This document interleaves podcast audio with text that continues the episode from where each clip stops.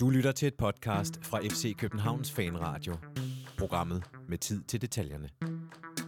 Au, au, au, au. Så var der alligevel ikke noget derby til os som tilskuere.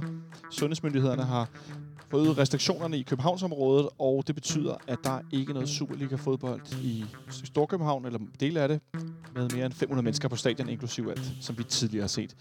Så på søndag er altså en kamp helt uden os fans næsten. Men øh, vi skal også lige spille øh, i morgen, torsdag, i Jødeborg, hvor spillerne er flået op tidligere. Og så, øh, ja, så sker der lidt af hvert øh, i det københavnske fodboldunivers. Du lytter til Københavns Fanradio. Velkommen indenfor. Mit navn er Jonathan Folker, og jeg er jeres vært i dag. Jeg har to gæster, som forleden dag, Benjamin Dane. Velkommen til, Benjamin.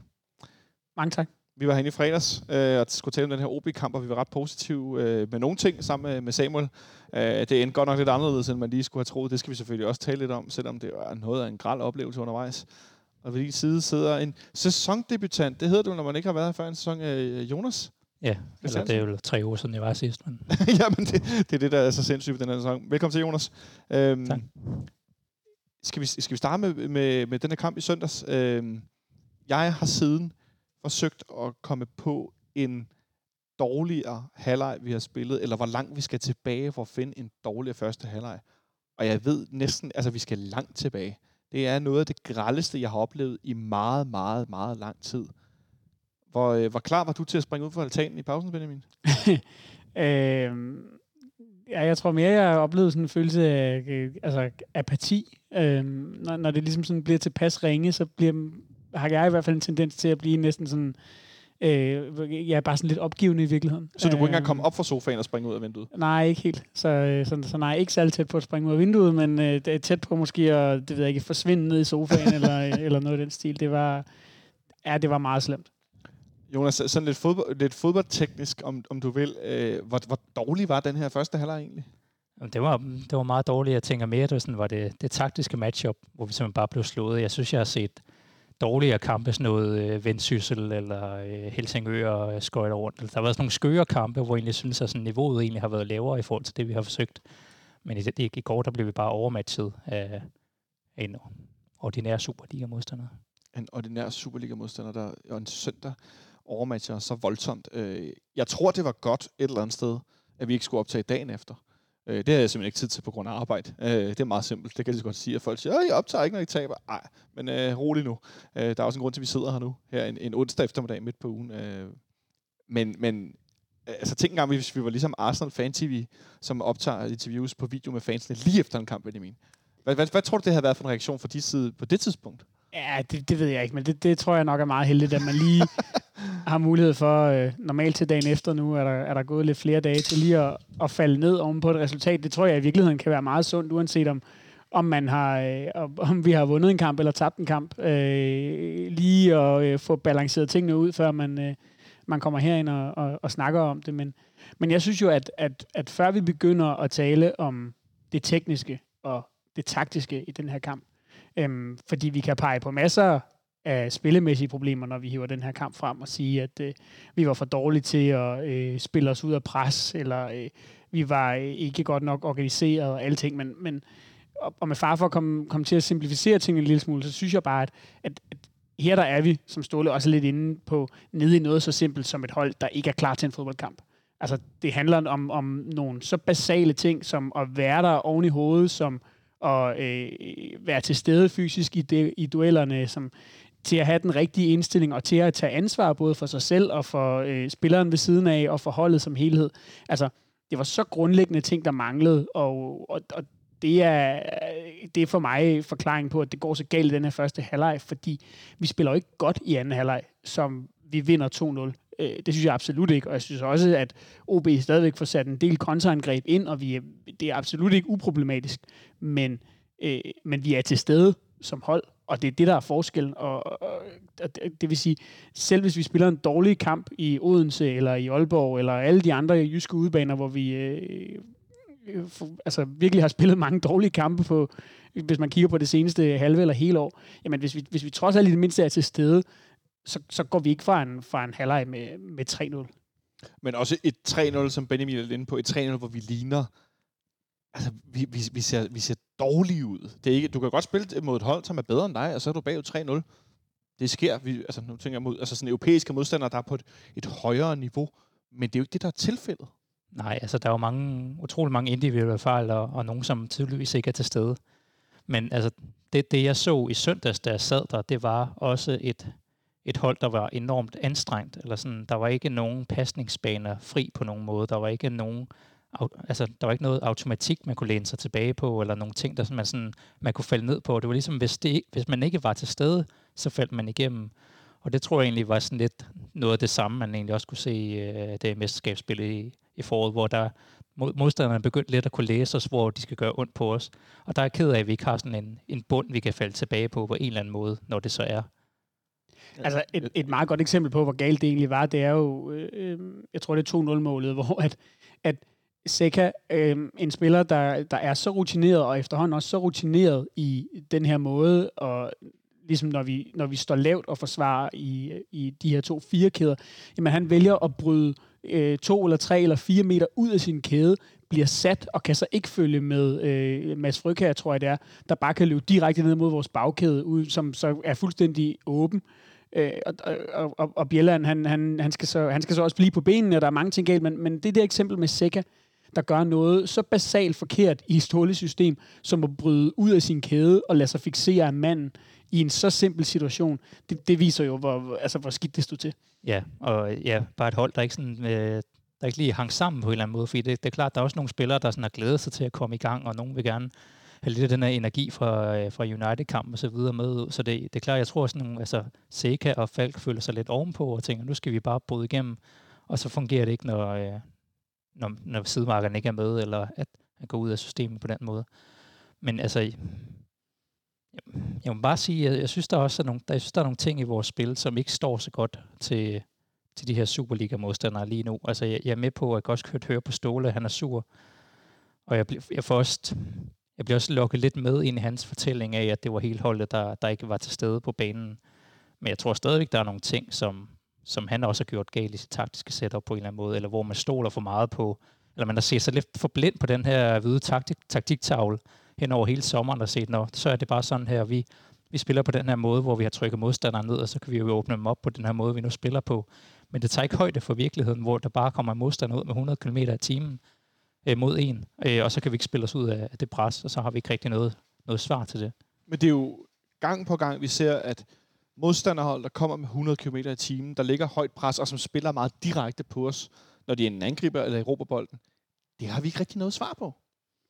Vi ser det jo mod, mod os, ja undskyld mig, men hold, der er dårligere end OB i Superligaen. Hvis de spiller sådan, så har vi det rigtig svært. Der er i hvert fald ikke nogen tvivl om, at der er rigtig mange Superliga-hold, der har fundet ud af, at øh, det her øh, FC København-hold, jamen hvis du presser dem højt, så får de problemer.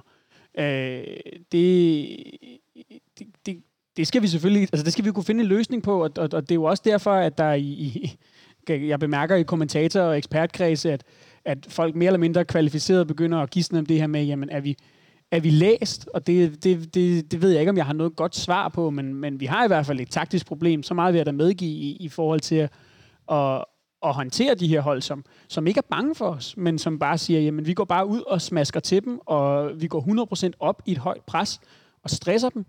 Øhm, og, og måske også, og det er virkelig det, der skuffer mig mest, er, er det som om, at der er rigtig mange hold, der ser ud til at på en eller anden måde være i stand til sådan at tryne os fysisk, og, og det, det kan jeg ikke forstå, hvordan kan ske. Nej, præcis, og vi har jo også, altså i, i går der blev det rigtig meget på farten, at vi blev, blev trynet, og i nogle enkelte præstationer, og det der med... Søndags. Man, søndags. ja. Føles det, som om det var i går? Det ved ja, det, det, det, det, det lidt i. Puh, ja. Men øh, øh, jeg tror egentlig bare, der... Øh, vi, vi har altid haft nogle, sådan, øh, nogle standardværktøjer, at kunne falde tilbage på, når det var. Altså nu har vi haft det her med, at vi kan spille os ud af presser med, med Falk og så videre, som vi prøver rigtig meget i går, men tidligere så har vi jo altid haft... Søndags. så undskyld. det, det, det, men vi, vi har så altid haft nogle angriber, vi har kunne spille bolden op på, der kunne, have, kunne lægge den ud, eller vi har haft nogen, vi kunne sende i dybden på en eller anden måde, som sådan en nødløsning, altså bakken, der trækker ud til sidelinjen og høvler den derned af. Og det, øh, der ryger bolden bare ned til deres forsvar eller målmand. Så det, det virker ligesom ikke, så prøver vi nogle andre ting, og så, øh, så bliver vi fanget i det her. Og man kan jo se, når, når vi rent faktisk får, øh, får indgivet den frygt i, modstanderen, som der sker i starten af anden halvleg, eller som der skete mod United, mod Istanbul, så begynder modstanderne at bakke af og blive bange for de her hurtige spil og kombinationsspil, vi kan præstere. Men det er den frygt, der ikke er der fra starten af kampen, når vi går ind til det. Så vi starter vagt ud, for at sige det mildt, men det interessante for mig er lidt, at det en ting er de her situationer, hvor at OB scorer mål. Du er inde på den ene, Benjamin. Men også mange situationer, hvor vi simpelthen... Altså, vi kan ikke spille bolden rundt på banen. Vi kan ikke ramme hinanden. Altså, helt simpelt. Ingen gang, vi når ikke engang til et opspil omkring OB straffesparksfelt, der ligesom kan blive farligt. Vi taler bare om at spille helt simpelt, altså at have bolden i position, hvor vi mister bolden, hvis man sparker den ind til modstanderen. Ja, vi laver, vi, vi laver mange fejl, og det er, også, øh, altså, det er jo nok også et spørgsmål om en, en når OB scorer to mål så tidligt og, og sådan nogle ting, jamen så, så er der jo også en usikkerhed generelt, der forplanter sig ned igennem holdet, og så, øh, så, så er det, og det er jo netop i sådan en situation, når man stopper med at tage ansvar, at man, man, øh, altså, at man mister fokus, og man laver nogle åndssvage tekniske fejl. Jeg, jeg synes jo så, at, at, at vi også skal huske øh, for den her første halvleg, fordi det var godt nok jammerligt, det vi lavede, men vi er også nødt til at anerkende OB. Øh, de, de spiller øh, noget af det bedste, jeg nogensinde har set et, øh, et OB-hold spille, og øh, et, et par af de angreb, de har, også nogle af dem, der ikke øh, giver mål, er fuldstændig perfekt udførte. Altså, de spiller så direkte, og de har så mange spillere, der ligesom tager øh, løb i længderetningen direkte imod vores midtbane og vores bagkæde, ind gennem kæderne. Og, altså, øh, det, det skal man også bare huske at rose OB for i hvert fald, og anerkende deres indsats, fordi øh, der, der skal også et, godt nok var vi sindssygt ringe, men der skal også et godt hold til at, at udnytte det, og så få lavet de tre mål, som, øh, som jo var øh, ja, mere end fortjent. Jeg så, øh, og nu bliver jeg faktisk i tvivl om, det, det, det er skidt det her. Øh, det er en stor OB-fan på, øh, på Twitter, som også øh, har været kapelmester, tror jeg, for mit, nogle af Medianos programmer, i hvert fald fodboldministeriet, han hedder Mads Julius Dyrst. Han fik skrevet, at øh, det, OB spillede den bedste halvleg siden de spillede mod Villarreal. Og hvornår spillede OB mod Villarreal? Åh, oh, jamen der er vi vel tilbage i sådan noget 9-10 stykker. Det var med øh, Jemba Jemba på holdet, og... Øh det gjorde de i, i 11-12 sæson. Ikke? Ja, okay. Så, så han, mener, han mener, det gjorde de i august øh, 11, der vinder de 1-0 over Villarreal på hjemmebane. Øh, Hans Henrik Andreasen scorer. Ni år siden. Og ni år siden. Han, han mener simpelthen, det er den bedste, den bedste halvleg, de har spillet i ni år. Øh, og det er virkelig ikke noget for, for at tage noget for OB, eller sådan, men, eller i virkeligheden gør også dårligere end vi er, men, men så OB præsterer noget af det bedste, de har gjort i et årti, samtidig med, at vi præsterer noget af det dårligste, jeg kan huske. Du, snakker, du var det snart om skøre kampe, og sådan Jonas, men, altså, men bare sådan så usammenhængende. Og tit hænger de her ting jo sammen, ikke? Man kan jo heller ikke uh, skille det ad. Altså, det, man kan heller ikke bare sige, at det var bare os, der var dårlige, eller det var bare øh, uh, OB, der var gode. Det er jo, det er jo, det er jo uh, det er jo os, der er med til at gøre OB gode, og det er også OB, der er med til at gøre os endnu dårligere, end, end, end vi er. Ikke? Eller sådan, altså det, de to ting hænger sammen. Altså jeg får lyst til at sige, der er flere ting, der er paradoxale, men altså det første mål, OB scorer, øh, det er jo det er lige før, vi går så langt som at sige, det er en kandidat til årets mål. Øh, især når man ser det fra bag målet, hvordan det er filmet, at han simpelthen, altså han, han, han mejsler jo bolden op i hjørnet af målet. Øh, det, det er virkelig, virkelig godt sparket ind. Ikke? Øh, og sikkert, at der går ud, og, og mange gange vil den jo blive pareret, eller et eller andet at ryge til hjørne, eller hvad ved jeg. Den vil slet ikke nå mod mål, men han kanonerer som bolden op i hjørnet. Og ja, så kan vi nogen sige, det kan man ikke tage højde for. Nej, det kan man ikke. Det er fandme godt sparket ind. Og det er sådan noget, der sker i en kamp, hvor man bliver udstillet og udspillet, i hvert fald den første halvleg. Ikke? Øhm, i anden halvleg, der kommer vi så på mirakuløs vis lidt med, bedre med, hvilket overraskede mig temmelig meget. Jeg regnede med, at vi ville tabe efter, efter den her første halvleg. Jeg siger 4-0, 4-1 måske, sådan noget. Ikke? Øh, vi sad ellers her i fredags, Benjamin, sammen med Samuel og talte om, at øh, ah, måske 2-1 eller 1-0 eller 1-1. Øh, vi var lidt i nogle forskellige konstellationer, men vi var klar på, at vi ville lægge et mål, et mål ind, men ikke tre mål. Øh, men vi kommer tilbage i, i starten af anden halvleg. Øh, Kamil Vitek får scoret sit, sit første Superliga-mål, øh, Jonas. Øh, han får så faktisk scoret to, for det ikke skal være løgn. Mm. Jeg vil egentlig bare kort tale om mål nummer to, fordi det er en type mål, som jeg så og tænkte, det der, det er længe siden, jeg har set en FC København-angriber score sådan en type mål. Ja, det er jo, det er jo længe siden, vi har rent faktisk kunne score på, øh, på noget, der ikke var en åbenlyst chance. Altså, det, det har vi ikke haft i et, et stykke tid. Øh, men altså, vi, i anden halvleg, der skifter vi tre mand, og så går vi over til det her sådan, ja, nærmest total panic mode. Øh, det der, man typisk ser i de sidste fem minutter af en kamp, hvor man ja et eller andet resultat. Det spiller vi i, det, det mode hele anden halvleg. Ja, prøv lige, prøv lige at tale os igennem, også sammen med Benjamin. Hvem, altså, vi skifter tre mænd ud i pausen. Det er vores øh, højre side, Mm. Det er Mohamed Rami, det er øh, Varela, og så er det Jens Dage, som vi tager ud i, øh, i, i pausen. Øhm, og det gør vi jo fordi, at for det første den der højre side jo lignede øh, juniorspillere nærmest. Øh, Og så også fordi, at jeg, jeg prøver at hjælpe mig en gang. Hvor, hvorfor er det lige præcis de tre, vi piller ud? Som Ståle sagde i pausen, vi kunne have pillet hele holdet ud, men det gør vi ikke. Hvorfor tror jeg, det er de tre? Øh, altså, det, du, du er selv inde på det med højre siden, vil, vil jeg jo mene. Altså, den, den, den, de falder jo fuldstændig igennem begge to.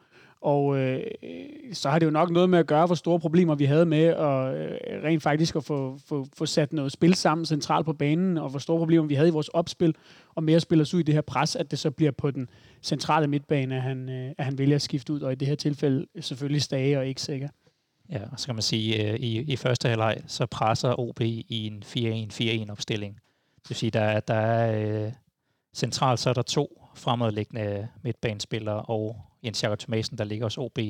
Og de sidder ligesom mand-mand på Sigas Dage og Jonas Vind ind centralt. Så øh, Ståle han går over til en, ja, en diamant på midtbanen for at sprede det mere ud, så han har øh, Modrasja, der kommer derind, og Jonas Vind går lidt ud, og så videre. Og så, øh, og så to angriber, øh, der, der kan løbe dybt på den måde. Jeg tror simpelthen, det er for at prøve at spille udenom den der kompakte midtbane, hvor de simpelthen ligger mand-mand på alle tre. Hvordan synes I så, det lykkes rent faktisk? Jamen, som jeg var inde på før, så synes jeg ikke, at vi spiller en perfekt anden halvleg, men noget af det, jeg godt kan lide ved den her øh, diamantformation på midtbanen, og, og som i virkeligheden gør, at, at jeg i hvert fald i et eller andet omfang ligesom mm, godt kan se den være et, et kan man sige, et brugbart øh, taktisk værktøj i værktøjskassen, det er, at, at vi på en eller anden måde får fritaget øh, Seca en lille smule fra øh, de her pligter i, i det opbyggende spil, som, som jeg især i, i sådan de, de senere måneder, hvor jeg, hvor jeg synes, at han har været, øh, har været dårligere, end, end han ellers har været i sin tid i FCK, øh, har haft lidt svært ved at løse. I stedet for så får han to mere boldfaste midtbanespillere ned på hver sin side af sig. Han kan, han kan ligge endnu dybere og i virkeligheden koncentrere sig om restforsvar og om at, at beskytte den her bagkæde, og, og Modrasja og Falk kan ligesom komme ned på skift og hente bolden og være dem, der fører den frem.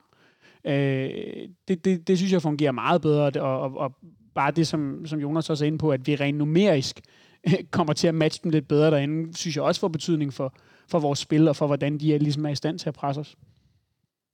Så med Falk og Modrasja foran sikker, så bliver det lidt bedre. Det bliver ikke rigtig godt. Øh, Bartolets gør, hvad han kan. Jeg er snart i tvivl om, om ham og Varela, de står de duellerer om at være lige dårligst. Øh, Varela har egentlig nogle fantastisk gode kampe, men jeg synes begge to mangler især offensivt. Øh, der må vi jo sige, at en mand, som har været meget, meget udskilt, som nu har rundet, jeg kan ikke huske, hvor mange kampe og assist der han har rundet assist nummer 50, tror jeg, som FC København spiller. Pierre Bengtsson som venstreback, som også er en spiller, jeg har tit har været skilt meget ud på. Han bliver jo nærmest vores helt store indlægskejser i den her kamp i Odense. Han har så mange indlæg, også i første halvleg. Og det er stort set kun der, det kommer fra. Ja, han lægger 16 indlæg i løbet af kampen. S- altså 16 indlæg, det er jo vildt mange. Ja, og et par af dem er udmærket. Nogle af dem, de rører også øh, langt væk. Øhm, og vi, vi mangler jo lidt at spille på nogle flere det, øh, cylinder i går, kan man sige. Men altså, jo, hans, hans kamp var faktisk udmærket offensiv. Øh, han ender også med at lave en, en, en assist til, til det første mål. Øhm, det efterlader os med et, et 2-3 nederlag. Det var vi langt fra at gætte på, Benjamin. Øh, er, er, det, er, er, er det at gå så langt som at sige, skal vi, skal vi for første gang virkelig i, i virkeligheden ikke call man of the match? Øh, fordi det simpelthen er så, så dårligt så stor del af tiden. Eller kan vi i virkeligheden godt det? Åh, oh, Øhm. Jeg synes næsten, det, det, det er svært efter sådan en omgang ikke, at starte. Vi startede jo også, det, det er det næste paradoks, vi startede jo også sidste år med at være bagud 2-0 i den første kamp i Odense. Der fik vi så Vinte, øh, Damendøje og Jonas Vind øh, fik scoret, scoret mål øh, til sidst i kampen. Jeg, jeg synes, det er svært, altså, fordi øh, jeg, jeg synes heller ikke, at, at Kalle Jonsson er, ser helt uskyldig ud ved, ved deres 2-0-mål, men, øh, men, men han var jo nok stadig den bedste spiller øh, på banen, hvis man endelig skal pege på nogen. Øh, jeg, jeg, jeg synes godt, jeg kan øh, kåre ham til en, en svag man of the match. En svag man of the match. Hvad siger du på det, Jonas? Ja, af, af, hensyn til lyttertallene kan vi gå uden vores angriber. øh, så vil vi sige Pierre Bengtsson. så du går på Pierre Bengtsson. Jeg tænkte nok, Benjamin, du også sne dig en pæn bue udenom, uh, udenom den åbenlyse tomålsskytte. Uh, Han spillede, uh, må jeg så lige sige, en pivringekamp. Han spillede mega dårligt. Ja.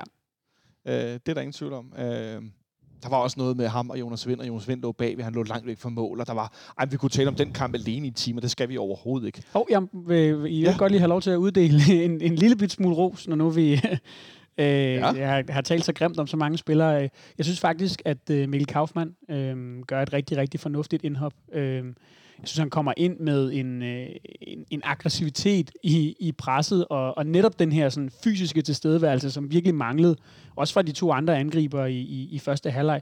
Du kan se med det samme, at, at selvom det, han, han mister nogle gange nogle bolde, og det er ikke altid lige elegant, men øh, lidt i stil med det, man hvis man altid fik fra Andreas Cornelius, jamen, så slår modstanderne sig på ham, og han kommer, altså han, han sprinter i sit pres, og øh, i hvert fald bare som, selvom det var på en lidt billig baggrund, så, så rosom for i det mindste at, at komme med den, med den rigtige indstilling, synes jeg, som, som en, af de, en af de ganske få. Jeg synes, han var den af de tre udskiftninger, der blev lavet i, i pausen, som, øh, og udskiftninger i det hele taget, som, som lykkedes bedst.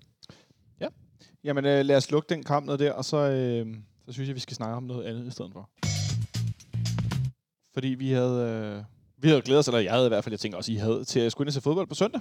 Ja, jeg sad og brugt hele øh, mandag eftermiddag på at vente på billetlink, og altså, jeg kan næsten ikke ord for, hvor øh, skuffet jeg var, da, da den melding den kom i, øh, i går middag. Hvor har du fået billet henne? Øh, på Øvre C. På Øvre C, ja. C7. Og ved ja. siden af Jonas, måske? Ja. Ja. Øhm, der er meget god udsigt. Så kan man jo se fodbold, jo. Ja, min plads var røget til gruppe 1, tror jeg, det hed, ikke? Ja, okay. Jamen, jeg, jeg nåede at være en del af en øh, 3-4-3-opstilling øh, ude i højre side på C13 et sted oppe bagved. Vi havde tre, tre pladser, fire pladser, tre pladser. Det tror jeg havde været meget sjovt at være sådan en, fod, sådan en fodboldopstilling. Og vi- jeg havde allerede forberedt, at vi skulle lave lidt sjov med, hvem der spillede øh, højre, øh, højre, øh, højre midt, og hvem der spillede øh, trebakkæde. Og...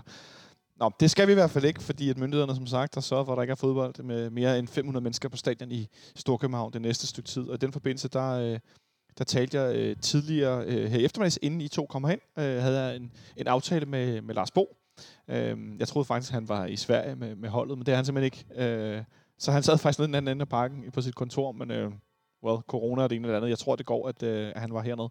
Så øh, lad os høre, hvad Lars Bo han havde at sige til, til mine spørgsmål. Det er Lars Bo. Hej Lars Bo, det er Jonathan fra FC Københavns Fanradio.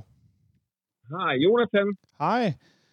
Hej. Tak fordi du giver dig tid til at tale med os. Nu er det kun mig, der sidder her lige nu øh, og skal snakke med dig. Øh, må jeg ikke bare starte med at sige, jo tak fordi du har tid, men også, hvor befinder du dig hen i verden? Øh, lige nu sidder jeg på mit kontor og lige kommet tilbage fra et møde i by. Alright, for jeg var nemlig lidt i tvivl om, du var i Jødeborg i forbindelse med, at vi skal spille mod IFK Jødeborg i morgen i Europa League-kvalifikationen. Så jeg var faktisk lidt i tvivl om, øh, hvor langt du var nået. Nej, det er jeg ikke. Jeg passer butikken imens. Ej, ja, normalt så ville jeg selvfølgelig have været med, men øh, jeg er forhindret den her øh, tur. Sådan, sådan kan det jo gå, øh, det skulle jeg sige. Jeg, jeg, jeg gættede på, at du var med. Øh, men øh, ja, så sidder vi i hver sin ende af bygningen, det er også lidt sjovt. Men i denne her tid med corona og så videre, så tror jeg også, det er det bedste, hvis vi kan, hvis vi kan gøre, hvad, hvad, hvad vi kan for at holde, øh, holde så, så, så få mennesker øh, tæt på hinanden, eller hvad det hedder. Øh, Ja. Og Det... Øh, jeg, er ikke, jeg er ikke helt så bekymret. Det var nok gået alligevel, men øh. Må ikke. Øhm, men nej, som sagt, telefoninterviewet øh, er, er simpelthen fordi, jeg regnede med, for du faktisk var i Sverige. Men øhm, under, under andre omstændigheder, så jeg sad og tænkte sådan, Nå, men hvad er det egentlig? Jeg, jeg skrev til, til nogle af dine gode kollegaer tidligere, eller ansat, om du vil. Øh, jeg skrev til Jakob Laversen og til Mikkel Bjerre, som jo er henholdsvis marketings... Øh, øh, nej, hvad hedder det, kommerciel direktør og billetansvarlig. Det har han, Mikkel Bjerre har en lang titel, jeg ikke vil rode mig ud i. Øhm, Ja. Men for at høre dem omkring øh, den her melding, som jo kom fra, fra myndighederne i går, øh, og jeg, jeg, jeg, har, jeg har læst jeres rigtig fine udmelding på, på hjemmesiden i forhold til, øh, til at I i første omgang øh, for, øh, forsøgte at få, få udsat øh, det her derby på søndag, og så efterfølgende må nå frem til, at det kan vi desværre ikke. Øhm, og så øh, kunne jeg lidt forstå, øh, at øh, må du sige til, hvis, hvis jeg tager fejl, men at i forhold til tidligere forløb, så er fodboldklubberne og divisionsforeningen ikke blevet taget med på råd i forhold til det her, der er blevet ændret. Er det rigtigt forstået? Ja, Det er korrekt. Der, jeg, vil, jeg vil faktisk nærmest sige, at det, det kom som en tyv om natten. Øh, og jeg ved ikke, om det var fordi, at, at, at udviklingen skete så hurtigt, øh, eller man, man reelt kuppede os ud. Altså, at, hvad, hvad- mener du med det sidste? Der mener jeg, at øh, der var jo ingen forventninger. Der har ikke været nogen dialog overhovedet med klubberne om, hvad vi vurderer. Det vil sige, at vi anede ikke det her. Vi var jo i gang med at planlægge. Og om det var bevidst, eller det reelt var, fordi sundhedsmyndighederne i sidste øjeblik tænkte, vi er simpelthen nødt til at tage de københavnske klubber med, det ved jeg ikke. Altså om det var fordi, at tingene var gået så hurtigt i Øh, øh, sundhedsmæssig regi, altså smittetallene var steget så hurtigt, at, at, at, at politikere og sundhedsmyndigheder ikke havde tid til at koordinere, eller om det reelt var fordi, at man, man, man ikke vil have bøvlet med, at, at, øh, at, at presset fra, fra, øh, fra øh, fodbold Danmark. Og så vil man hellere bare lave reglen, og så, så, så er den der. Så jeg, jeg ved det faktisk ikke. Nej, okay. Fordi jeg kunne fornemme, at tidligere har I været, altså nu siger jeg I, som klubberne, divisionsforeningen, været taget meget med på råd, og hvad kunne man gøre, hvad, man, hvad kunne man ikke gøre, øh, øh, uden at vi skal gætte alt for meget, men det får da mig til at tænke, at det måske handler om, at smittetallene steg ret hurtigt, så de bare tog en beslutning. Øh, ja, det synes jeg også er rimeligt at antage, trods alt. Ja, det, det kan jeg ikke lade mig at tænke, når du, når du nu fortæller det her, øh, at, I, at I ingenting vidste. Øh, men, men det efterlader os i hvert fald en situation. Jeg havde lige nået om formiddagen at skrive ud til en gruppe venner i, på sådan et, en, øh, en, en social platform, at øh, ej, hvor jeg glæder mig sindssygt meget til, at nu skulle vi til fodbold igen, og vi skulle til Derby, og vi havde fået arrangeret vores billetter og så videre. Hvor meget tid var der egentlig gået med den her forberedelse, som nu blev revet væk under jer? Jamen, det, det kan man ikke sige, fordi noget af det har vi jo forberedt i måneder, og noget af det, det bliver intensiveret de sidste uger op til. Men altså, der er blevet brugt tusindvis af timer. Ja, det, det, det var desværre også det, lidt, der var mit gæt. Men, men inden vi nåede så langt til den egentlige øh, hvad skal man sige, aflysning af mere end 500 mennesker på stadion som helhed, så meldte I ud ret progressivt i forhold til, hvad jeg jo også har oplevet som værende det sikreste sted i coronaperioden, nemlig at være til fodbold. Øh, det er det sted, ja. hvor der er nogen, der har holdt mest øje med, hvad jeg gjorde, hvad jeg ikke gjorde, og hvordan jeg gjorde det. Det har faktisk været, ja. jeg har været inde og se fodbold øh, de her på gange. Øh, så gik I i dialog med Divisionsforeningen og, og, og, og Brøndby, eller hvordan fungerede det? Øh, det, det, vi gjorde det på den måde, at jeg ringede til divisionsforeningen og sagde, at vi, vi, vi vil gerne afskyde, eller vi vil gerne udskyde kampen. Og øh, så ringede jeg til Brøndby og sagde, at vi vil gerne udskyde kampen. Og så informerede jeg TV3, altså nemt, at vi vil gerne udskyde kampen. Og divisionsforeningen sagde, uh, det tror vi er svært. Brøndby sagde, mm, vi kommer lige tilbage, jeg hørte ikke fra dem. Og TV3 sagde, at det her vi ikke interesseret i. Så der var ikke meget samarbejde at hente ude i byen? Ja, der var intet. Havde du, øh, havde du forventet reaktion med at være sådan, eller hvad var din forventning, forhåbning? Jeg synes, Brøndbys reaktion er forventelig. Øh, og et eller andet sted måske også forståelig. Øh, vi, kommer, øh, vi kommer ind på banen på søndag med en Jødeborg-kamp i benene. Øh, og de ved, at vi taber et millionbeløb på det, så, og vi er konkurrenter. Så det, det forstår jeg egentlig godt logikken bag. Øh, der er så ikke så stor format i det, men jeg forstår godt logikken. Divisionsforeningen forstår jeg ikke, fordi selvfølgelig kan man aflyse eller udskyde en kamp. Øh, der var argumenter med, hvad så hvis? Jo jo, men du ved, der kunne også være sket et eller andet andet herinde, som gjorde, at den, den, den, den ikke kunne spilles. Og så kunne man selvfølgelig altid finde et slot. Øh, jeg er lidt mere ydmyg omkring den, Øh, fordi de har selvfølgelig øh, også et, øh, en, en stor bed på corona, fordi de lever af at transmittere øh, live sport. Og hvis man lige pludselig tager sådan en... Skaden er jo ikke så stor for dem. De kan stadigvæk vise kampen over for deres seere øh, på søndag. Og hvis vi så har udskudt den på ubestemt tid, så, så er det så endnu en aften med, med øh, manglende indhold. Så den, dem kunne jeg egentlig godt forstå. Jeg vil dog vurdere, at man, man kunne godt have løst det. Men men, men det var sådan set den argumentation, jeg havde nemmest ved at forholde mig til. Så alt i alt et, øh, et forsøg på en udsættelse, som jeg personligt synes var meget prisværdigt, øh, af en del forskellige årsager, blandt andet, at, at jeg ikke kunne komme ind og se kampen, men også i forhold til, at I ikke er blevet taget med på råd af, af myndighederne i forhold til de nye retningslinjer. Øhm. Du kan sige, at vi skuffer 12.500 fans, der har vist sig super lojale. Øh, det gør bare enormt ondt, øh, fordi nu kommer kampen ikke om to, tre, fire måneder, eller to, tre, fire uger. Nu bliver den afviklet øh, for 200 mennesker. Jeg, jeg ved godt, det er 500, men officials og spillere og sikkerhed, du ved.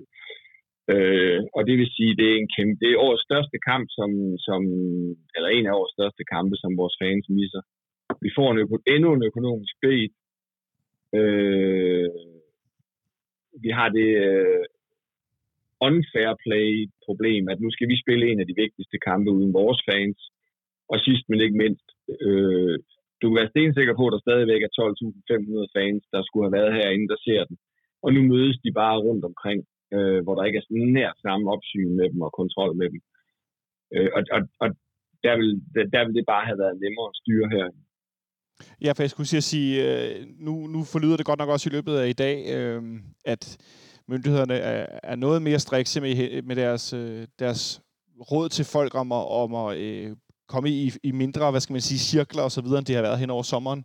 Det er stadigvæk ikke øh, sådan de her helt firkantede øh, hvad skal man sige, retningslinjer, som de udstak i, i marts, april, maj måned, men stadigvæk øh, tonen er noget skærpet, øh, så jeg mm. håber da, at, øh, at folk er være med at mødes til de helt store storskærmsarrangementer og så videre. Det virker ikke som den smarteste idé lige nu, må jeg nok indrømme, at jeg tænker. Øh, i nej, nej, altså, gør det, da, det gør det på ingen måde. Altså, når myndighederne har sagt, og myndighederne har sagt, men det, jeg synes, man skal også efter ved, det er, at, at øh, man går ud og laver sådan et indgreb i går, og på spørgsmålet fra en af journalisterne om, hvor erhvervsministeren var, der kunne svare på, hvordan man kompenserer virksomhederne, der var der ikke nogen til stede. Så tog Søren Højnik ordet, og han kom med en, i bedste fald, non-forklaring, og i værste fald øh, øh, en masse udskudte argumenter. Det vil sige, at vi ved stadigvæk ikke, hvordan vi bliver kompenseret for den her bil.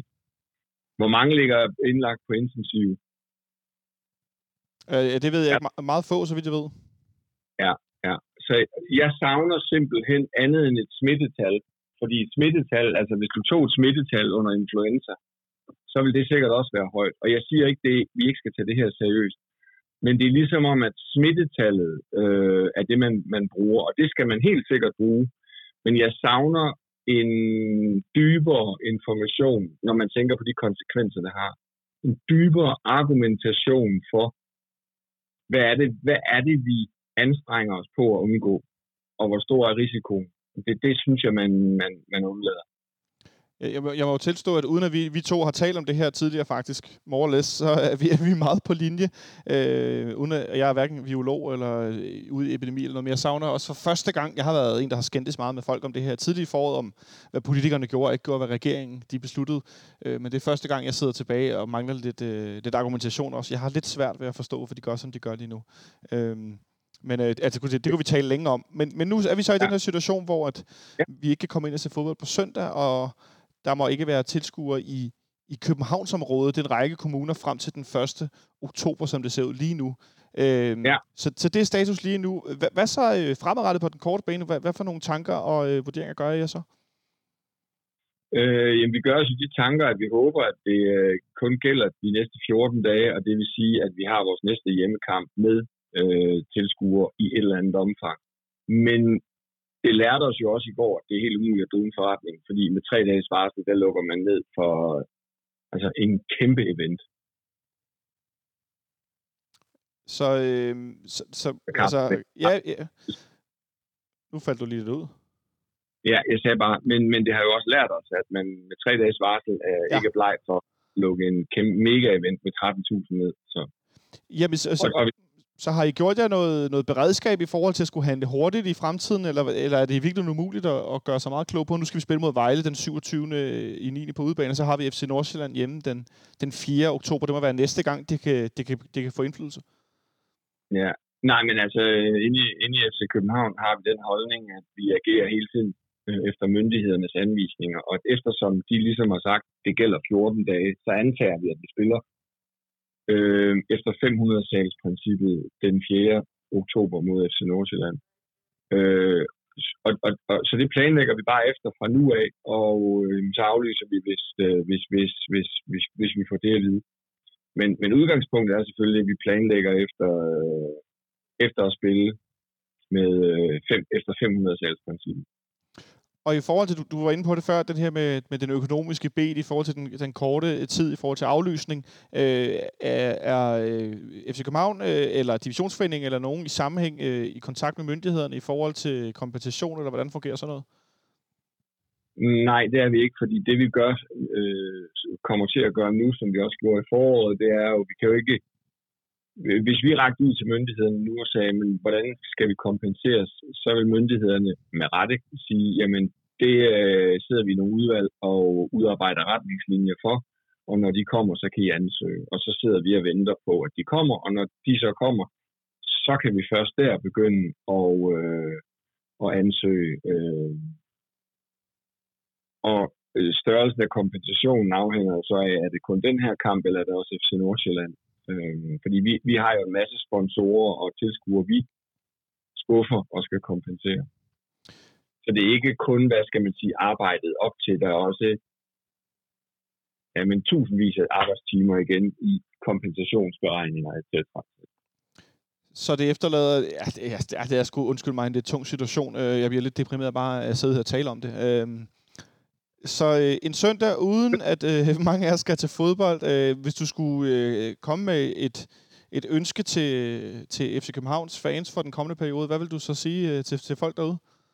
At de skal vide, at vi gør alt, hvad vi kan for at øh, få, få, øh, få åbnet stadion op og at vi er taknemmelige for hver eneste fan, der, der giver os den kredit, at de tænker sådan om os. Øh, så hvis vi er langsomme med, udvik- med udmeldinger eller handlinger, så er det fordi, vi venter på svar andet sted fra. Men vi gør alt. Så jeg tror egentlig, hvis vores fans bare fortsætter med både den forståelse og den support, de har vist, og jeg ved, det er næsten for meget at bede om, men hvis de fortsætter, så, så, er, det, øh, så, så er det enormt vigtigt, og det betyder enormt meget. Og så øh, for at løfte vores snak lidt, så det ikke kun bliver så negativt det hele. Under, under bright side, i sidste uge var jeg en af de, de heldige, der var inviteret til FC København, øh, eller FCK Inside her inde i parken, så det faktisk var outside. Din første oplevelse med, med FC Københavns fans på, på tribunen til det her arrangement. Hvordan synes du, det var for en oplevelse? Jeg synes, det var en super dejlig oplevelse. Gode, engagerede spørgsmål.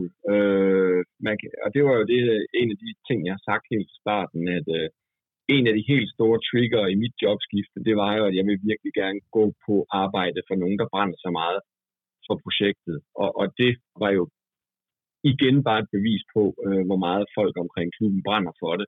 Og så er det klart, så er der nogle gange nogle kritiske spørgsmål, og det er bare godt, det gør skarpere. Og nogle gange er der ros, øh, og det er også dejligt. Så jeg synes, det var en, en dejlig aften, en skøn aften.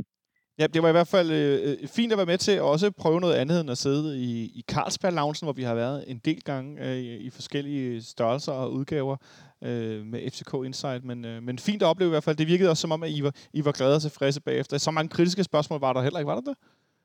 Nej, jeg synes, jamen, jeg synes ikke. Der var nogen, hvor jeg tænkte, oh, ah, okay, for nu jeg havde den på. Jeg synes, det var helt regulære og reelle spørgsmål. Også nogle gode spørgsmål, øh, som, som jeg, jeg har tænkt videre over. Øh, det var en god aften. Det glæder mig at høre, øh, Lars Bo. Øh, du skal have tusind tak, fordi du tog dig tid til at tale med mig. Så håber jeg, at vi næste gang vi tales videre, vi har været til fodbold øh, begge to, og ikke kun øh, de her øh, par hundrede fans, øh, som må komme ind på, øh, på søndag. I lige måde, og tak fordi du ringede, og øh, have det godt derude også alle vores fans. Hej. Hej. Thanks for tuning in to FC Copenhagen Fan Radio. You're listening to Atiba Hutchinson. Altså, det gør vi jo rent faktisk ikke. Du lytter stadig til FC Københavns Radio, og det er stadig Benjamin Dane, Jonas Christiansen, Jonathan Folk, der sidder her. Nå, nu har I hørt min, øh, min snak her tidligere efter med, med, med Lars Bo Jebsen, vores... Øh, øh, jeg er stadig i tvivl om, han er administrerende direktør. Det, nej, han har en titel, som jeg ikke er faktisk helt skarp på. Det beklager jeg meget, men, men i hvert fald vores direktør. Hvad, hvad siger du til det, Benjamin, i den her, at høre den her snak? Øhm, Jamen, der er sådan set ikke så meget af det, der, der kommer helt vildt meget bag på mig, efter de udmeldinger, som, som klubben ligesom selv har, øh, øh, har været ude med i, i, i forlængelse af den her melding, øh, der, kom i, der kom i går middag. Øh. Jeg kan genkende frustrationen over, at øh, der ikke er tilstrækkelig argumentation for, hvorfor der bliver gjort, som der gjort. Det var også den følelse, øh, jeg selv sad tilbage med øh, i går eftermiddags og, og i går aftes, hvor, hvor det stadig nagede mig, og, og til dels stadig i dag, hvor jeg godt kan mærke, at jeg stadigvæk er, en, er, en, er ærgerlig og, og irriteret og skuffet og, og alt muligt andet. Øhm, jeg synes, det er, jo, det er en meget god disclaimer, som du også selv får sagt i, i, øh, i interviewet her, at, at, at der er jo ikke nogen af os, der er biologer eller har forstand på epidemier, eller øh, har indblik i, i smittetal, ud over det, man kan gå ind og se på Statens Serum Instituts hjemmeside, men, men når man sidder og ser det her pressemøde, og øh, en, en, en småforvirret Kåre Mølbak står og, og henviser øh, til øh, en øh, kamp for 45.000 mennesker, spillet uden skyggen af restriktioner i øh, Italien i februar, øh, og øh, en, en, en anden står og peger på nogle tilfældige tv-billeder fra øh, Aarhus i, øh, i mandags. Så, øh, og, og det ligesom skal være de, de mest tungtvejende argumenter, der bliver præsenteret på det her pressemøde for, hvorfor man vælger at lukke ned for fodbold i Storkøbenhavn, jamen så, øhm, så, så, så er det jo en utilfredsstillende følelse, fordi det, det, det, det er jo ikke en logisk argumentation, jeg kan købe i hvert fald. Øh, jeg, jeg ved ikke med jer, men, men det, jeg føler ikke, at jeg får en ordentlig forklaring på, hvorfor jeg ikke kan komme til fodbold på, på, på søndag, for nu at holde det i sådan hele egoistiske termer. Nej, altså, der er ingen af os, der, der er eksperter i det, det er Lars Bo heller ikke, selvom man prøver at komme lidt ind på nogle smittetal og så videre. Øhm, så vi må, vi må antage, at der er en, en, en ordentlig årsag til det. Jeg synes, øhm, altså han kunne starte med at ringe til den fjerde interessant, der er Formel 1. Altså hvis de lagde et Formel 1-løb på søndag, så skulle du se den kamp blive flyttet med det samme. Men altså på en mere sådan seriøs note, ikke, så, øh, så jeg synes jeg, at, den, at det her kommer nok allermest tilbage til divisionsforeningen, der ligger den her derby i runde 2. Altså på et tidspunkt, hvor man ved, at der er vi stadigvæk så tæt på, øh, på højsæson af, af corona, at øh, der med, med høj sandsynlighed vil kunne ske et eller andet. Altså der kunne man godt lægge den senere på sæsonen. Øh, altså så det synes jeg, man mere kan kigge på, end at okay, nu bliver, nu bliver det så alligevel, og det er så ærgerligt, og det er irriterende, at det kommer tre dage før fra sundhedsmyndighedernes side. Øhm, ja, jeg er også bare frustreret. Altså det, for mig virker det som sådan en, en øhm, altså fordi man også forud jo faktisk for pressemødet i går, øh, blandt andet øh, på, på Mette Frederiksens egen Instagram, jamen der, der varsler man jo, at det her handler om, at man har set en hel masse øh, smitte blandt de 20-29-årige i øh, i, i Københavnsområdet. Ja. Øh, det er især i, i, i Frederiksberg og i Københavns Kommune, at det er et meget, meget stort problem. Øh, man, man finder så ud af på det her pressemøde, de ved så alligevel ikke helt, om, om det er øh, fra nattelivet, det kommer, fordi den, den viden er man ikke i besiddelse af. Øh, men man har så lavet en slutning, der hedder, det er formentlig, går jeg ud fra, at de 20-29-årige, der øh, går mest øh, i, i byen og fester mest, Øh, Øh, derfor så øh, forsøger vi med de her meget målrettede tiltag at øh, begrænse smitten i det københavnske natteliv. Men at man så lige ind for højre hiver fodboldkampe ind, altså det, det har jo ikke, det, det stemmer bare for mig meget dårligt overens med den her specifikke gruppe. For ja, der er der mange 20-29-årige, der formentlig havde skulle i parken på søndag, men der er også mange øh, børn og øh, formentlig en del pensionister og øh, midalderne. Og, altså, der, det er jo alle aldersgrupper, der går til fodbold. Øhm, og om man så bare har været, har været, har været bange for, fordi det er øh, der, hvor der ligesom samles allerflest mennesker i, i, i Danmark lige nu, altså til fodboldkampe, om det er det, der har ligesom har gjort, at man bare har hævet det med ind, eller, altså, men, men det er jo også den argumentation, jeg savner. Er det fordi, man er bange for, at øh, der er en masse mennesker, øh, der skal frem og tilbage med metro og andre former for offentlig transport og stå tæt, når de skal til og fra stadion, men, men det bliver jo ikke sagt. Men havde det, havde det reelt ændret noget for jer, hvis de var kommet med en forklaring om, selvom I er øh, delt op, og selvom I er i sådan nogle grupper, hvor man ikke kommer tæt på så mange, så skal I, med, I skal jo hen til fodboldkamp og så videre. Havde det ændret noget for dig? Hvis de havde kommet med den forklaring? Hvis jeg havde fået en mere spiselig forklaring på, hvorfor jeg ikke kan komme til fodbold, så ja. Øhm, fordi jeg synes, at den, den meget afgørende forskel på nu og øh, i foråret, altså marts, april, maj, hvor at jeg personligt havde lidt den indstilling, at, jamen, på, at det, er en, det er en ukendt situation, og det er en ukendt sygdom, og øh, man famler lidt i blinde, og, og okay, så kan det godt være, at man nogle steder er kommet til at, at, at gå lidt for langt, øh, fordi man hellere vil det, end at gøre for lidt, og at man nogle steder er kommet til at indføre noget, der ikke er 100% logisk og sådan nogle ting.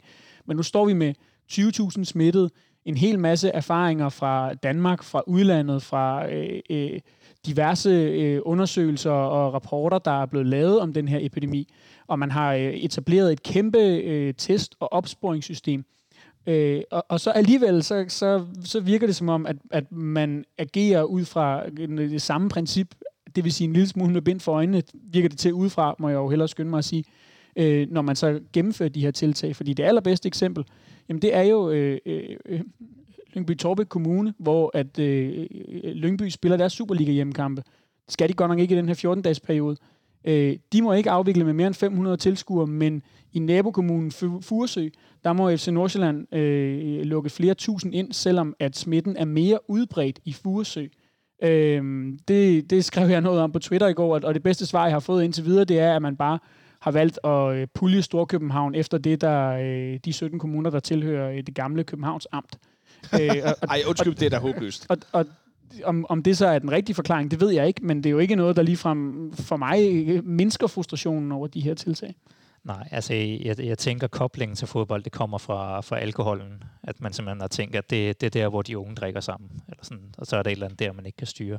Og det er bare ærgerligt. Og fordi jeg havde egentlig sådan en fornemmelse af, okay, nu har vi fundet et eller andet niveau, vi kan gennemføre for efteråret. Altså, vi kommer ikke til at åbne fuldt op på nogen måde, men vi kan være de her 10.000 til fodbold.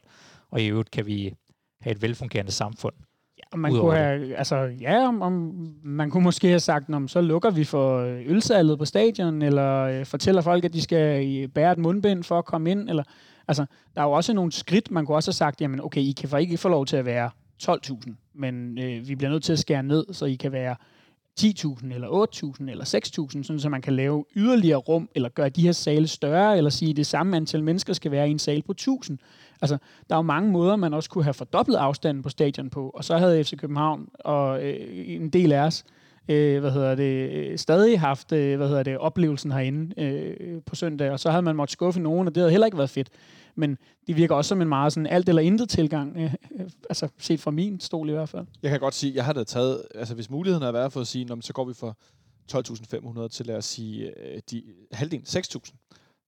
Og jeg så var, var blevet, når du kommer ikke ind, Nå, så måtte jeg jo ikke komme ind, men så ville jeg netop sige, synes, at det var fedt, når så kommer der 6.000 ind. Og du var blevet kompenseret jo så. Jeg var blevet altså. kompenseret, men jeg vil, jeg vil gå så langt som, undskyld mig at sige, skide hurtigt det. Det var ikke så meget det, det handler om. Det, for mig vil det handle om, men så kommer der, der nogen ind, også i en tro på, at det, det i den sidste ende handler om, det sportslige kunne blive løftet af, at der vil være nogle tilskuere, der kunne forhåbentlig bakke vores spillere op til at vinde det her derby.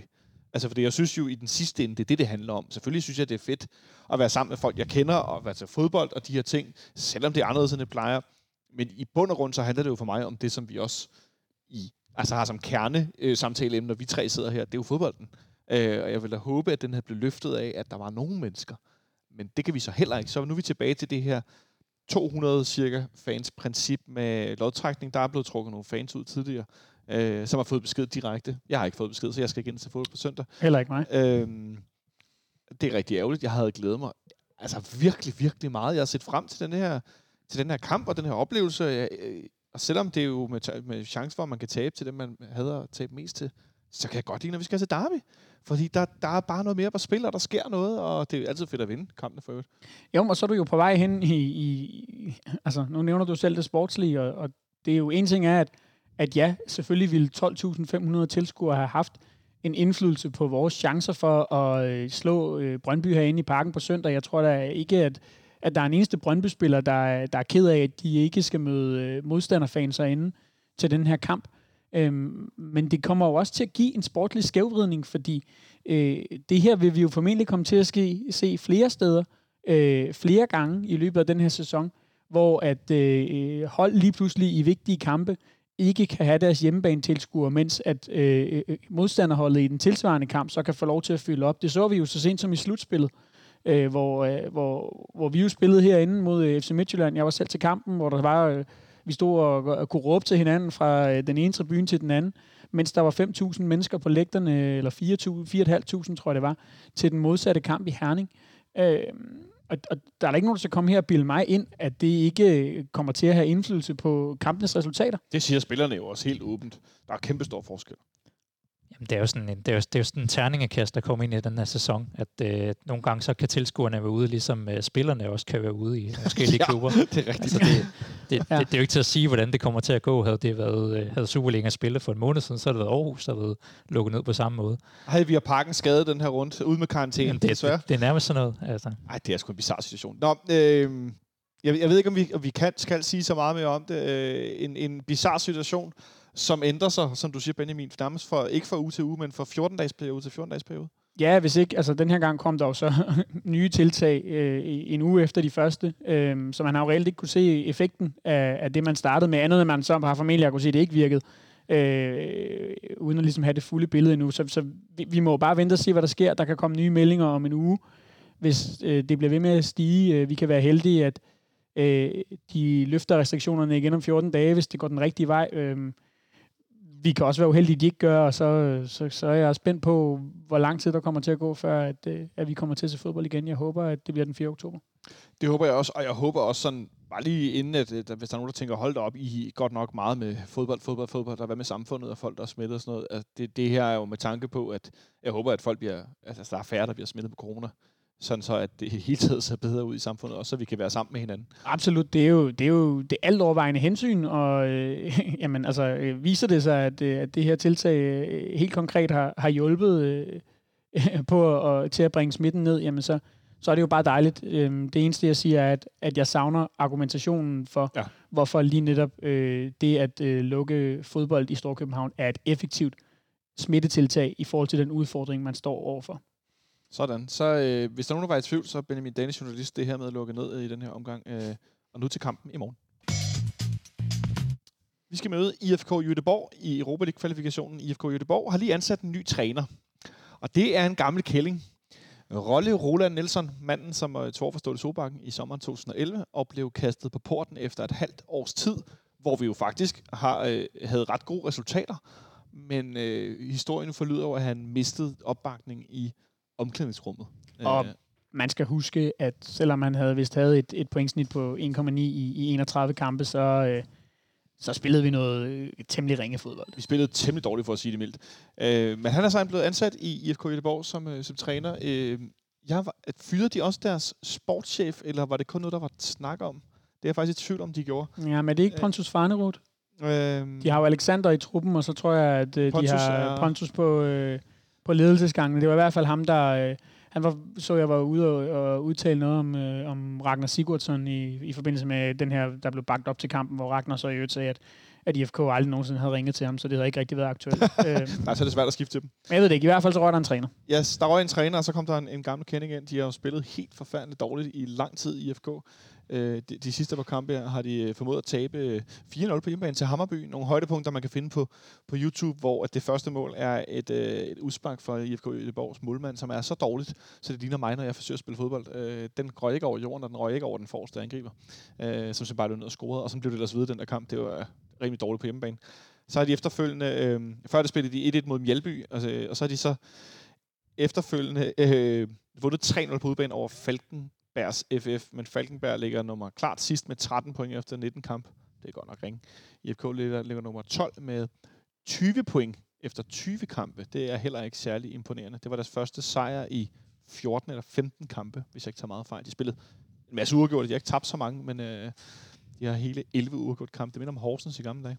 Øhm, men det hold, vi skal op og møde i morgen, øh, spillerne fløj afsted her tidligere dag fra noget, jeg tror var var det, var det Roskilde Lufthavn, lignede det på noget, på noget Instagram? Der stod en flyver i en hangar. Har vi gang i uh, Kim Fornes, uh, hvad hedder det, live-flyver igen? Jeg havde faktisk gang i at kigge på, hvor flyveren den uh, lettede fra uh, på Flight Radar tidligere dag. Uh, jeg er ret sikker på, at det var fra Kastrup Lufthavn, men den stod ude i en hangar, og de blev kørt direkte ud til uh, at komme igennem. Ah. At spillerbussen blev kørt ud i. Uh, det var i hvert fald ikke igennem terminalen i Kastrup, så meget kan jeg sige. Så længe Pionetist ikke var med?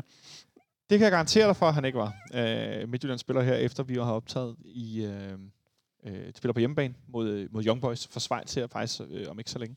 Øh, men en kamp, der kommer øh, lige midt i ingen tilskuere og øh, en forfærdelig underlig sæsonstart i, i Odense i søndags. Øh, Jonas, hvad, hvad, hvad, hvad er efter den her, det her nederlag i søndags, hvad er, din, hvad er dine forventninger til den her kamp? Og, øh, jeg forventer, at vi kommer ud og, og vinder den her kamp. Altså, det er selvfølgelig lidt ærgerligt, at de lige når får en ny træner og får det her boost. Af, nu ryster vi tingene sammen. Sådan en trup, der sikkert har været ret frustreret.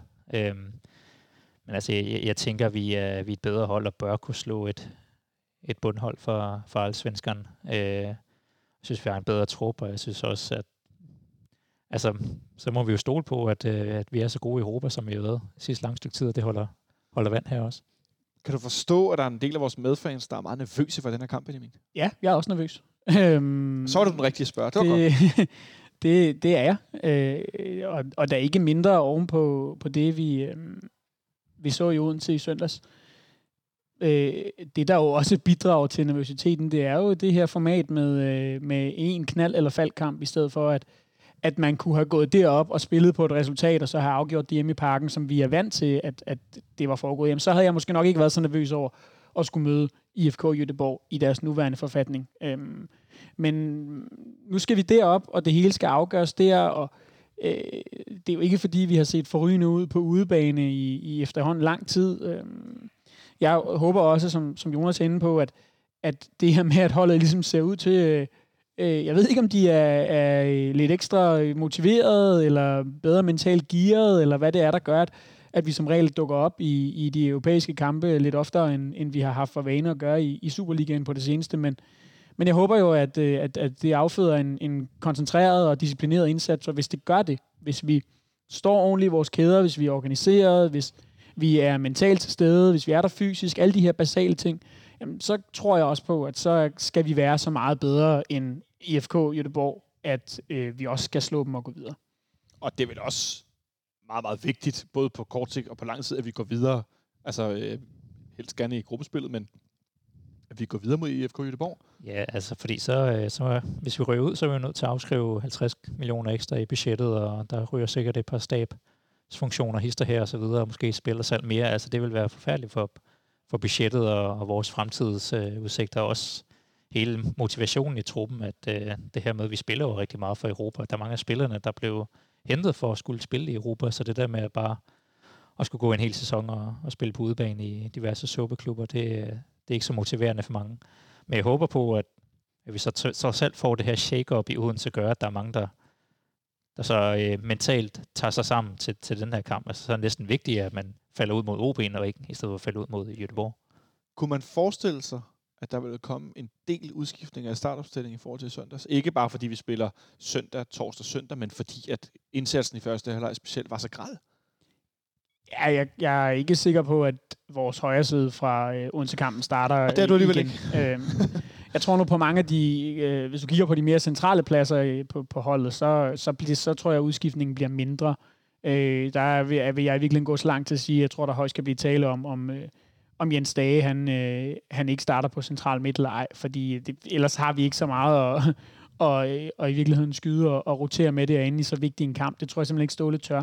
På nogle af de lidt mere perifære pladser, jamen der, der kan jeg bedre se, øh, at, at vi kommer til at rotere lidt. Og jeg vil ikke blive super overrasket, hvis, øh, hvis Carlo Bartel startede, hvis øh, enten øh, Pep Biel eller Jens Dage eller en, en helt tredje spiller, øh, måske Rasmus Falk, spillede højre kanten. Øh, altså det, der, det er nok der, jeg vil pege først, hvis jeg skal pege på nogle, nogle udskiftninger. Og det er måske dagens nemmeste spørgsmål, Jonas. Men hvad er det, du gerne vil se i kampen i morgen, som vi ikke så i søndags? Mm, jeg vil gerne se noget stabilitet. At, øh, jeg vil gerne se noget ro på banen. At øh, man kan ja, holde i bolden og gennemføre nogle solide angreb. Øh, vi, vi ser jo, som du læser op, så, øh, så er Jødeborg et hold, der spiller rigtig meget uafgjort, så det det var trods alt nogle tætte kampe, de, de er vant til at spille, øh, som så ikke har gået så meget til deres fordel, men det er nok ikke, fordi det bliver sådan et øh, Chubank-show frem og tilbage. Øh, så jeg håber på, at vi kan, vi kan dominere kampen og få, få noget ro på på den måde. Man må også sige, nu er det efterhånden været mange år siden, men, men med det kendskab, vi jo trods alt har til den gode Roland Nielsen, øh, og, og den måde, han, han spiller fodbold på, øh, så, så er det svært at se for sig, at øh, IFK kommer i andet end det, man med et lidt slidt udtryk kan kalde en kontrolleret offensiv. Øh, jeg tror, at de vil overlade ret meget initiativ til os. Øh, hvis øh, vi skal krydse fingre for noget, så øh, er det, at de ikke har kigget alt for godt efter, hvad, øh, øh, hvad hedder det, Superliga-holdene er begyndt at gøre mod os. Sig ikke noget, de kan høre. i, øh, altså, vi, vi skal ikke udgive den her ud, øh, udsendelse på svensk. Øhm, oh, jo. øh, fordi så kan vi jo godt få problemer igen. Det har vi jo set, øh, hvis, de, hvis, de, hvis de presser og stresser os højt. Spørgsmålet er, om de har selvtilliden og, og, og hvad der ellers er i holdet til at, til at gøre det nu. Ikke? Det, de er jo mega svære at spå noget om, fordi de netop har fået den her lille saltvandsindsprøjtning. Det er jo den såkaldte nye trænereffekt med øh, nogle spillere, der, der tager sig sammen og får lidt fornyet tro på tingene, og så kan det være, at det æbber ud om fem kampe, men lige nu der er den der. Øh, om det er nok til at, at bære dem igennem, det ved jeg ikke. Men jeg tror også på en, ja, en, en taktisk og på mange måder lås kamp, hvor vi nok skal et godt stykke hen for at, at finde en afgørelse. Benjamin tror på stillingskrig, kan jeg næsten høre. Øh, ja, en, det kan vi godt kalde det. Jeg vil ikke med sige en sen afgørelse, men en afgørelse i slutningen af kampen. Hvad siger du til det? Okay, jeg kan slet ikke tale. Hvad siger du til den, Jonas? Jamen, jeg, jeg forestiller mig sådan noget, eller sådan noget 1-1 langt hen i kampen, eller et eller andet, og så, øh, så er det faktisk meget godt, at vi har sådan en vildtjek-type øh, mod allsvenskerne modstanderne også. Ja, det tror jeg ikke, du har, øh, tager helt øh, fejl i sådan helt grundlæggende, at det er godt med nogle forskellige angrebstyper. Du markerer igen, Benjamin. Jeg kunne bare godt tænke mig, at øh, vi måske for en gang skulle ikke komme bagud. Og, så, og ikke i starten af kampen? Nej, det synes jeg, vi har en, det synes jeg, vi har en rigtig grim tendens til at... Og, øhm, øh, bare lige for at vende en lille smule tilbage til, til den her OB-kamp, så, så øh, har Ståle jo efterhånden til flere medier, også på FCK.dk, talt om det her med, ligesom, jamen, vi skal være klar til, at øh, modstanderne kommer med øh, 100 km i timen de første 20 minutter. Jeg, jeg kunne godt tænke mig snart at se et FC København-hold, der kom med 120 km i timen de første 15-20 minutter. Altså, øh, og øh, virkelig gik ud med en, en attitude, der ligesom bare, jamen prøv at høre, vi er det bedste hold, øh, fordi det er vi. Øh, vi har de bedste spillere, og fordi øh, det hvad har hedder det? fordi det har vi, og, og, og, og så simpelthen bare sætter sig på den her kamp, men, men jeg er, er, er til gengæld ikke sikker på, at, at selvtilliden lige nu er der i holdet til at, at, at gå ud på den måde fra start. Øhm, Øh, jeg, jeg, jeg, kunne forestille mig, at, at, at, at en af de få, der, der, der kunne have den attitude, af, af, en, af en spiller som Victor Fischer. Jeg tror faktisk også, at vi kommer til at se ham fra start på, øh, på venstre kant. Ja, for jeg skulle til at spørge, nu, nu nævnte Benjamin en, så kan du få lov, få lov at nævne nogle flere, Jonas. Victor Fischer er en, der skal komme ind fra start, gætter Benjamin på, og komme med noget øh, lederskab, får jeg lyst til at sige. Hvem er det, du forventer dig, at jeg skal løfte vores fodboldhold? Hvem er det, der skal gribe takstokken og ligesom sige, okay, det er den her vej, vi går? Jamen det, det skal Fischer, det skal Seca, øh, Jonas Vind siger også, han, han ser sig selv som en af topspillerne nu. Det skal han også ind og vise, at han også kan, kan tage fat i bolden og, og, og vinde noget selv. Og ikke forsvinde ud af en kamp, Ja. ja. som han gjorde i Odense. Ja. Øhm, så så det, det er det, jeg håber på. Og ja, jeg håber også på, at vi, øh, vi snart også kan, kan begynde at, at, at få overtaget i kampen og, og, og, og, og begynde at være dem, der ligesom øh, skaber bekymringerne hos modstanderens træner i forhold til, hvad er det, vi skal passe på. Øhm, altså sådan så, at øh, de skal tænke mere over, hvordan vi, de, stopper os, før vi tænker over, hvordan stopper vi dem. Altså det er lidt den bølge, der ligesom blev vendt øh, på det seneste. Sidste gang, vi spillede med 100 km i timen, det var mod OB herinde i december, hvor det var den aller sidste kamp i sæsonen, inden at vi gik på vinterferie.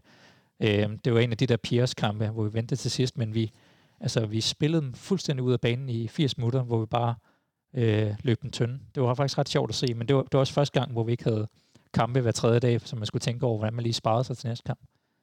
Og så øh, nævner ingen af jer øh, det, som er blevet 2020's FC Københavns største prygelknap, nemlig Andreas Bjelland, øh, som jo er en af de mest erfarne spillere i truppen, og som indimellem præsterer rigtig, rigtig godt og er lidt forbigået, må jeg nok sige. Jeg tænker for eksempel spillede han en rigtig, rigtig god kamp i Europa League mod øh, Manchester United. Ja, han begik et straffespark, som for øvrigt synes jeg var lidt måske tyndt, forkert. Men der spiller han rigtig, rigtig godt. Spiller han i Odense i søndags og spiller rigtig dårligt. Måske ikke så dårligt, som det bliver gjort til, men han er en af øh, de erfarne spillere. Han er en del af anførergruppen, øh, og han er en, jeg ønsker, øh, jeg, eller jeg ikke ønsker, jeg vil se nu være med til at løfte de andre, for det er det, jeg står og mangler. Det er de spillere, som er afgørende, at de gør dem rundt om sig bedre. At Carlos Sikker skal gøre de andre midtbanespillere bedre. At Jonas Vind og Vildtæk op foran skal gøre de, de yngre andre offensivspillere bedre. Og Bjelland skal gøre Victor Nielsen og den unge yngre øh, Varela øh, god. Og, altså, hvor at nogle af spillerne er lidt, lidt mere individuelle, som Pierre Bengtsson, som når han er god, er han god, men han er ikke en, der løfter dem rundt om. Som, det skal Bjelland være. Det, man måske kan være bekymret for, det er, om en spiller som Bjelland lige nu simpelthen selv har det spillemæssige overskud til at være sådan en spiller. Øhm, det, det kunne jeg godt være i tvivl om. Øhm, øh, som, som det jo har tegnet sig øh, de sidste par måneder, når, når Bjelland har spillet, så har det jo set ud som om, at han, han befinder sig en lille smule bedre, når vi står en lille smule lavere på banen. Det kan vi godt komme til at gøre, i hvert fald i perioder, øh, i den her kamp i morgen. Det kan godt være, det bekommer ham, det bekommer ham fint.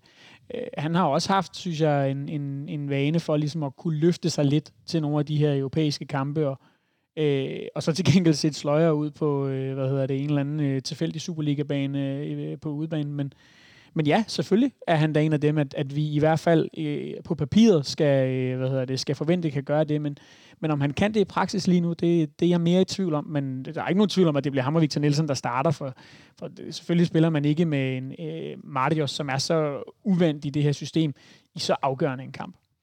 En øh, Marius, der kan komme kom ind, fik debut i slutningen af kampen mod, mod OB, og vil sparke det største hul i luften øh, på Fyn, der blev lavet den her, i, i det her kalenderår. Øh, men ellers synes jeg faktisk, at han, han gjorde det okay. Og Øh. øh, endnu et saksesparksforsøg, det glæder Endnu et også i- i- saksesparksforsøg. Tænk, hvis han en dag laver sakse som midterforsvar. skrue på det. Nå. Ja. Øhm, Hvis han prøver hver kamp, så tror jeg måske faktisk godt, at det kan ende med at, at lade sig gøre.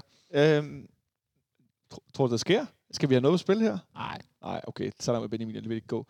Så, så no, noget af vores forventninger, vi ved ikke så super meget om, om IFK Göteborg. Der er et, nogle spillere i truppen, som er gamle kending for, øh, for Superligaen. Øh, men ellers en lidt ubekendt faktor, i hvert fald for mit vedkommende. Så meget svensk fodbold ser jeg heller ikke.